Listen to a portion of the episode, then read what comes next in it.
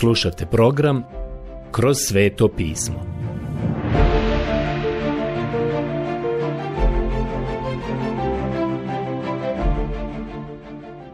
Knjiga Evanđelje po Ivanu. Odlomak Evanđelje po Ivanu, uvod. Evanđelje po Ivanu se ponekad naziva jednostavnim evanđeljem. Ne mislim da je tako. Istina je da je jednostavnost jezika navela mnoge da se spotaknu i nazovu ga jednostavnim evanđeljem. Činjenica je da postoji mnogo jednosložnih i dvosložnih riječi koje se nalaze u ovom evanđelju. Ako samo pogledate bilo gdje u evanđelju, vidjet ćete da su većina riječi tek jednosložne riječi, a neobično je pronaći onu koja ima tri sloga.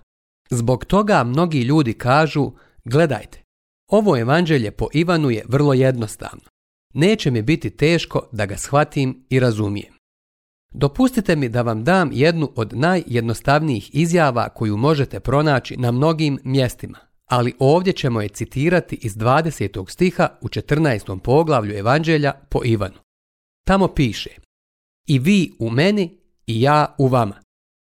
Jeste li ikada primijetili da je svaka riječ u ovoj izjavi zapravo samo jedna mala jednosložna riječ, jedan slog, Neke od tih riječi imaju samo jedno ili dva slova. Zapravo, samo dvije od tih riječi imaju četiri slova. Ja mislim da biste mogli uzeti bilo koje šestogodišnje dijete i uzeti bilo koju riječ i pitati ga za značenje svake te riječi ovdje i ono bi vam moglo reći. Ali da li ste znali da kada ih saberete i pročitate, i vi u meni i ja u vama, ni najduboko umniji filozof, ni najbolji teolog nikada ne mogu proniknuti u dubinu značenja te izjave. Prijatelj, to je ono što mislim kada kažem da dolazimo do najdubljeg evanđelja od svih drugih i vjerujem da ga je zaista najteže razumjeti. Dolazimo do njegovog površinskog značenja jer znamo značenja riječi, ali to ne znači da ga znamo na pravi način. Evanđelje po Ivanu je takvo da zaista trebamo gospoda Isusa da nas pouči i bude nam učitelj. Dozvolite mi da danas kažem neke stvari kao uvod, stvari koje bi nam trebale predstaviti ovo evanđelje po Ivanu. Apostol Ivan je pisac. Bio je sin Zebedeja i Salome i bio je Jakovljev brat. Njegovo autorstvo je prije više godina ozbiljno dovedeno u pitanje od strane Tibengenske kritičarske škole u Njemačkoj. Taj stav su preuzele mnoge liberalne škole u Sjedinjenim američkim državama, jer su bile više ili manje kopije njemačke škole. Ali na sve te liberalne prigovore koji su se pojavili, u potpunosti su odgovorili konzervativni učenjaci, tako da kada je u pitanju ovo evanđelje, to da je Ivan njegov autor danas prihvataju kompetentni i konzervativni bibličari i teolozi. Dakle, u to nema nikakve sumnje. Sjećam se da smo na teološkom fakultetu, a to je bilo davno, imali kolegu, jednog mladog momka koji je bio pravi šaljivđija. Nije bio najveći učenjak koji je ikada postojao, ali je imao tu sposobnost da dođe pravo do srži bilo koje stvari. I imali smo predmet ili kurs u okviru kojeg smo proučavali evanđelje po Ivanu kako bismo utvrdili ko je pisac i razmatrali smo sve te različite prijedloge koji su bili izneseni. A onda smo se zapitali da li je Ivan to napisao. Kada su svi dokazi bili prezentovani, došli smo do zaključka da je Ivan napisao evanđelje po Ivanu. Tada je ovaj momak, taj šaljivđija, rekao sljedeće. Upravo smo uzalud izgubili cijeli semestar. Rekao je još, Vjerovao sam i znao sam da je Ivan to napisao još onda kada sam započeo ovaj kurs, a sada sam se vratio tamo gdje sam i počeo. Prijatelji, možete izgubiti puno vremena sa liberalima. Uvjeravam vas. Odvešće vas u nekom pravcu i postaviti mnogo prigovora i mnogo pitanja. Ali mislim da je razumno ne samo pretpostavljati, već znati da je apostol Ivan pisac ovog evanđelja. Svi rani crkveni oci pripisivali su četvrto evanđelje Ivanu. Teofil je bio biskup u Antiohiji oko 188. godine. Irenej je živio oko 190. godine i bio je Polikarpov učenik, a Polikarp je bio Ivanov učenik. Klement Aleksandrijski u Egiptu 200. godine i Muratorijev fragment. Svi oni tvrde da je četvrto evanđelje napisao apostol Ivan. Ne znam za vas, ali ja se danas pomalo umorim kada slušam liberalne teologe i bibličare. Ako želite znati moje mišljenje, oni su meni dosadni. Morao sam ići u školu gdje mi je toliko njih predavalo. Morao sam slušati njihova suhoparna predavanja, pa sam priželjkivao da postoji neki način da to izbjegnem, jer su me definitivno mučili i to bez ikakvog razloga. Datiranje evanđelja po Ivanu je prilično važno.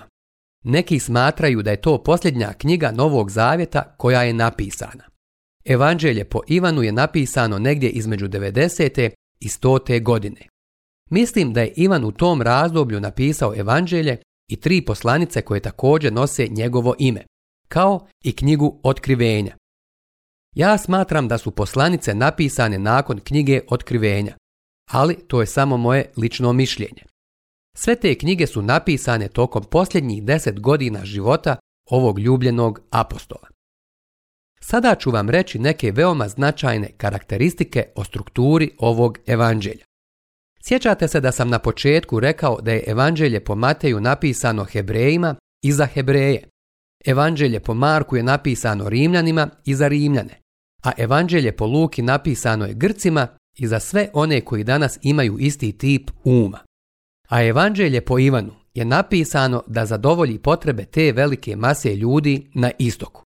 Oni su bili jadnici, ako tako mogu da kažem. Mnogi od njih su bili bogati, izuzetno bogati. Mnogi od njih bili su jadni i užasno siromašni. Znali su šta je siromaštvo. Ali svi su bili u velikoj potrebi i bila je velika duhovna glad, pa su zato sa istoka došli mudraci postavljajući pitanje. Gdje je onaj koji se rodio kao kralj judejski? Vidjeli smo njegovu zvijezdu na istoku. Došli smo se pokloniti njemu. Vidimo da Ivan pišući svoje evanđelje zadovoljava takvu vrstu uma. Uostalom, preci većine nas su potekli iz tog kraja. Činjenica je da su preci svih nas bili Ham, Šem i Jafet i svi oni su bili u tom području, a na tom je području bilo jedno veliko kraljevstvo. To je bilo kraljevstvo Babilona i ono je bilo hermetički zatvoreno kraljevstvo, ali onda su iz tog područja izašli Jafetovi sinovi. Abraham je došao iz tog kraja. Bio je Šemov sin. Tako da su iz tog kraja izašli svi ovi ljudi koji su bili ljudi u potrebi, što opisuje vas i mene danas. Možda je to razlog zašto je evanđelje po Ivanu tako univerzalno prihvaćeno i proučavano. Možda baš zbog toga dao sam ovakvu podjelu evanđelja. Dok sam bio student na koleđu, radio sam u novinama i pokušao sam uporediti evanđelja sa novinama.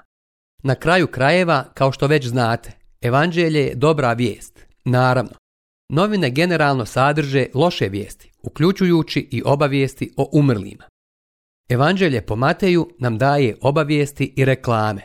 Evo, približilo se kraljevstvo nebesko a onda evanđelje po Marku donosi senzacionalne naslove. Evo ga, moj sluga. Kakav naslov?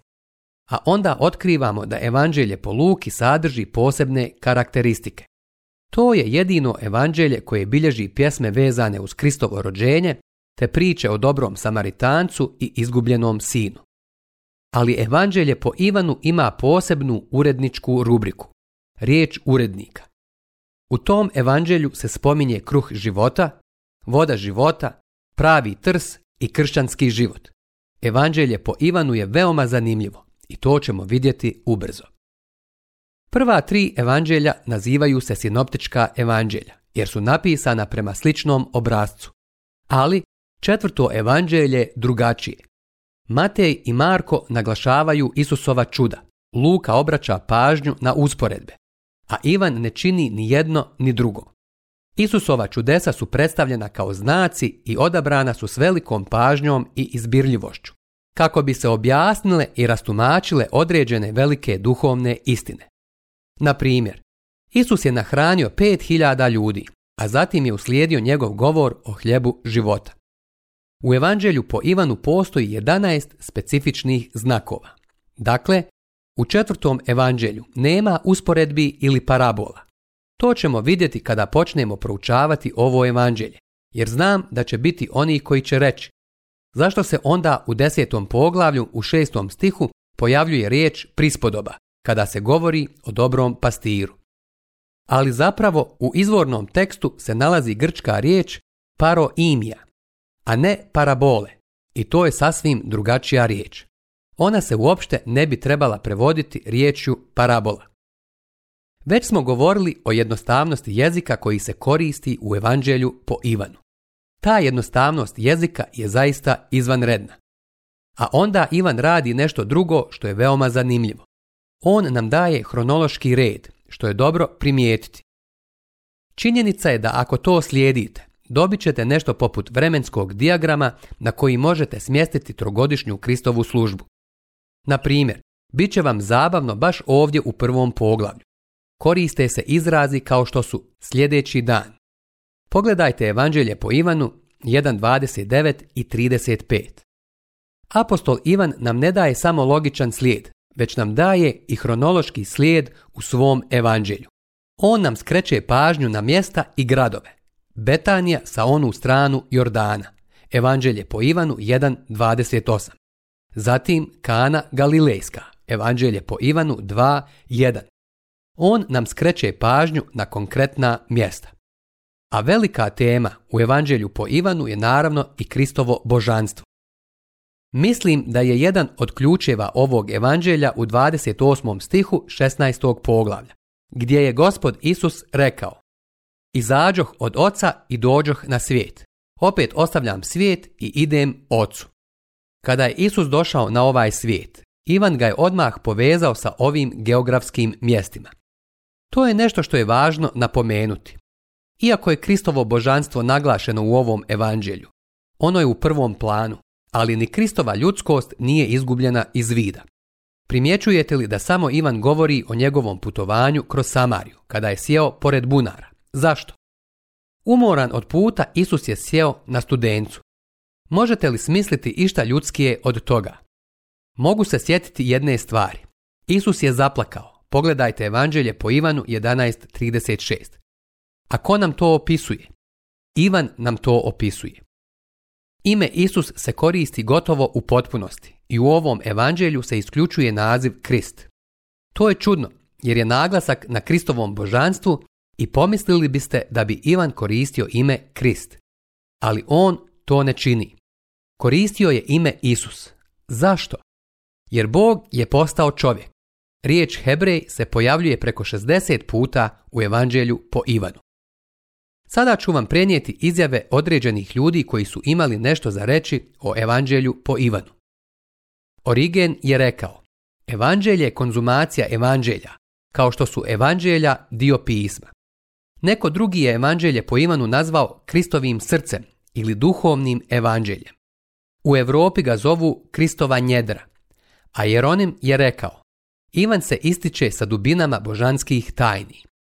Kulros je rekao, vjerujem da su Ivanovi spisi umazani sa više pokajničkih suza i da su osvojili više srca za otkupitelja nego li svi ostali zajedno. Dr. A.T. Pearson je napisao za evanđelje po Ivanu sljedeće. On dira Kristovo srce. Ako je evanđelje po Mateju prožeto Izraelom, evanđelje po Marku prožeto sveštenstvo, a evanđelje po Luki poganima, onda nas Ivan vodi iza zavjese u svetinju nad svetinjama. D.A. Hayes kaže sljedeće o evanđelju po Ivanu. Dok ga čitamo, uvjereni smo da je ovdje napokon jedna dostojna i primjerena slika Isusovog života među ljudima. Dakle, Isusovo božanstvo je najvažnija svrha pisanja ovog evanđelja. Mesijanski karakter ima prvenstvo. To je navedeno u 31. stihu 20. poglavlja Evanđelja po Ivanu. Pretpostavljam da bi se to moglo smatrati samim ključem Evanđelja. I mnoga druga čudesa učini Isus pred svojim učenicima koja nisu napisana u ovoj knjizi. A ova su zapisana da vjerujete da je Isus Mesija, Sin Božji i da vjerujući imate život u njegovo ime. Evanđelje po Ivanu 20, 30 do 31. Kao što sam već spomenuo, meni se također sviđa 28. stih u 16. poglavlju Evanđelja po Ivanu. On predivno opisuje Evanđelje. Izađoh od oca i dođoh na svijet. Opet ostavljam svijet i idem ocu. Bog je postao čovjek. Ovo je jednostavna izjava jedne veoma uzvišene činjenice. Ili, kako je to John Wesley izrazio, Bog se ispružio ka nama. Dakle, Stvari koje su napisane u ovom evanđelju, napisane su da rađaju vjeru u srcu čovjeka. Riječ vjeruj se u evanđelju po Ivanu koristi više od sto puta, a u sva tri ostala evanđelja zajedno pojavljuje se manje od 40 puta. Imenica vjera se ne pojavljuje u evanđelju po Ivanu, ali se koristi u drugim evanđeljima. Vječni život se pojavljuje 35 puta, ali samo 12 puta u ostala tri evanđelja. Dakle, ono što ovdje imamo jeste aktivni glagol vjerovati, a generalno se koristi sa vjerovati u nekoga ili u nešto. To je čin volje. To nije nešto što je statično. To ne znači klimati glavom i dati intelektualni pristanak na činjenice koje se nalaze u evanđelju. Već to znači da kada čujete činjenice iz evanđelja, vi prepoznajete da je Isus umro za naše grijehe prema svetom pismu što dalje znači da mu vjerujete kao spasitelju koji je umro da plati kaznu za vaše grijehe. Veoma je važno to uvidjeti. Podjele evanđelja po Ivanu Mi smo ovo evanđelje podijelili na način za koji vjerujemo da je veoma jednostavan. Imamo prolog, to je u prvih 18 stihova prvog poglavlja. Zatim imamo uvod u ostatku prvog poglavlja. Onda Počevši od drugog poglavlja pa sve do 12. poglavlja imamo svjedočanstvo dijela i riječi. Zatim imamo Isusovo svjedočanstvo njegovim svjedocima ili govor u gornjoj sobi od 13. do 17. poglavlja. Ostatak je Isusovo svjedočanstvo svijetu, drugim riječima Isusovo svjedočanstvo svima. To su poglavlja od 18. pa sve do 20. Na kraju imamo epilog i proslavljenog Krista u 21. poglavlju. Mislim da je to prilično dobra podjela. Prolog Mislim da smo sada spremni za početak prologa. Prijatelji, krećemo u tom pravcu, imajući na umu da je ovo bez imalo sumnje jedan od najdubljih odjeljaka na koje ćemo naići. Niko od nas to neće moći adekvatno razumjeti. Možemo se tek malo približiti razumijevanju ovih velikih istina. U ovom dijelu obratit ćemo pažnju na neke stvari koje su nužno morale biti izostavljene u podjeli i osvrtu koji sam upravo napravio. Te stvari karakterišu ovo evanđelje i doprinose boljem razumijevanju njegovog sadržaja. U početku bijaše riječ. Sada u prvom poglavlju Isus je nazvan riječ ili logos. To nije objašnjeno grčkom filozofijom, već hebrejskim tetragramom Jehova. Da, on je Jehova ili Jahve. Sada imamo sljedeću izjavu koja se nalazi odmah na početku evanđelja po Ivanu. U početku bijaše riječ i riječ bijaše kod Boga i Bog bijaše riječ. Ona bijaše u početku kod Boga. Sve je po njoj postalo i bez nje ništa nije postalo što je postalo. Evanđelje po Ivanu 1, 1 do 3. Iznesene su četiri velike i uzburkujuće izjave. Prva izjava je, u početku bijaše riječ. Ta riječ je gospod Isus Krist. Ovdje se spominje početak, u početku, a postoje zapravo tri početka koja se spominju u Svetom pismu. Početak u postanku govori do stvaranja fizičkog svemira, a to ne možete tačno datirati. Za očekivati je da se nasmijemo na pokušaje datiranja, da se stvaranje svijeta dogodilo prije otprilike 5000 ili 6000 godina. To možete zanemariti jer to nije istina.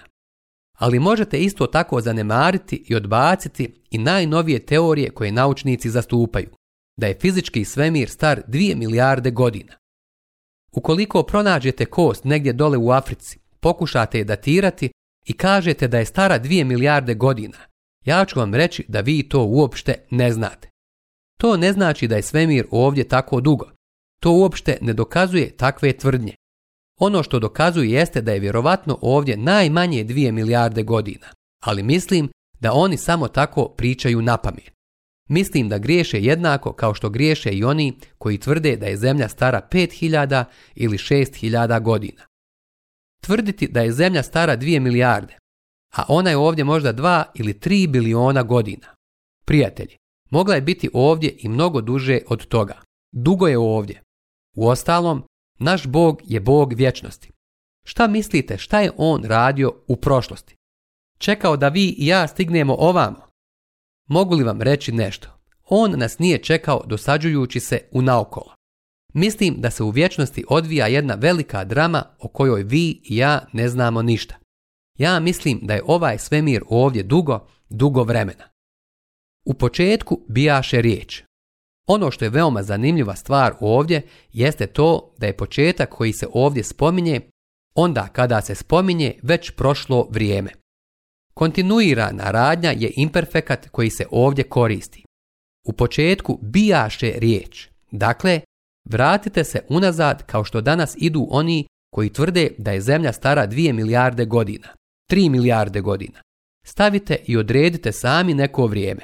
Dobro, kad to učinite, Gospod Isus dolazi iz vječnosti da se sretne sa vama i on je već u prošlom vremenu. U početku bijaše riječ. Dakle, evo početka koji uopšte nije početak. To je početak na koji vi i ja možemo ići, ali ne možemo čak ni na taj početak. Ne možemo to ni zamisliti. Ali gdje god hoćemo da postavimo i označimo neki početak, Gospod Isus je i tamo već prošlo vrijeme. Ljubljeni moji, on je pradavni, praiskonski. Njegova kosa je bijela poput snijega, čak i ukoliko bismo mogli da ga sretnemo prije nekoliko milijardi godina. U početku bijaše riječ.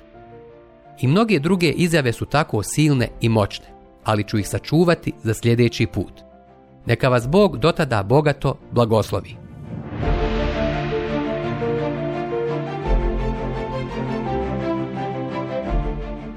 Slušali ste emisiju Kroz sveto pismo. Možete nas slušati i na našem YouTube kanalu, putem mobilne aplikacije, te na svim glavnim podcast platformama kao što su Google, Apple i Spotify. Ako vam se naši programi dopadaju, preporučite ih i podijelite s drugima. Budite slobodni da ostavite svoj komentar ili nam pišite na našu e-mail adresu kroz sveto at gmail.com Zapratite našu stranicu kroz sveto pismo BiH na Facebooku i na Instagramu. Emisije iz ove serije možete pronaći na našoj stranici ttb.tw.org.